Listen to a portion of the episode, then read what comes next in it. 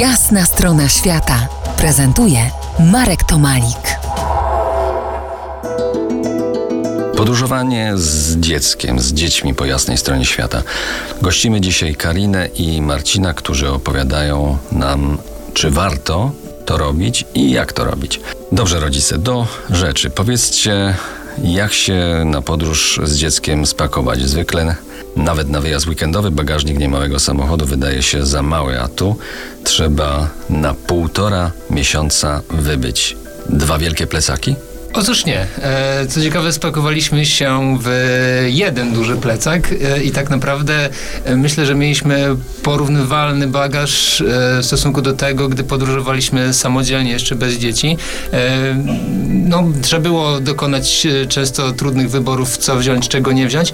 Było to związane z tym, że, że druga, druga osoba musiała zawsze być w miarę, mieć w miarę swobodny dostęp do dziecka. Też mieliśmy ze sobą nosidełko turystyczne, tak zdecydowany minimalizm. Pamiętam e, przed e, swoim wyjazdem z niespełna dwuletnim Kubą testowałem kilka nosidełek. I to właśnie on zadecydował, w którym mu się będzie najlepiej podróżowało. U was też była taka demokracja rodzinna?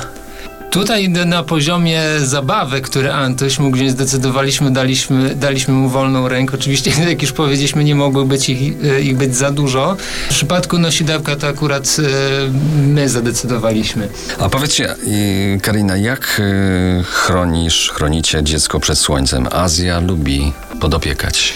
Pamiętam, że jak wylatywaliśmy do Gruzji, to zabraliśmy ze sobą nawet parasolkę, żeby nosząc Antosia w nosidełku ergonomicznym też mieć coś takiego do ochrony, więc chociażby to jest jeden z takich przykładów, ale mało praktyczny, więc zdecydowanie bardziej kremy z filtrem 50 są e, wskazane.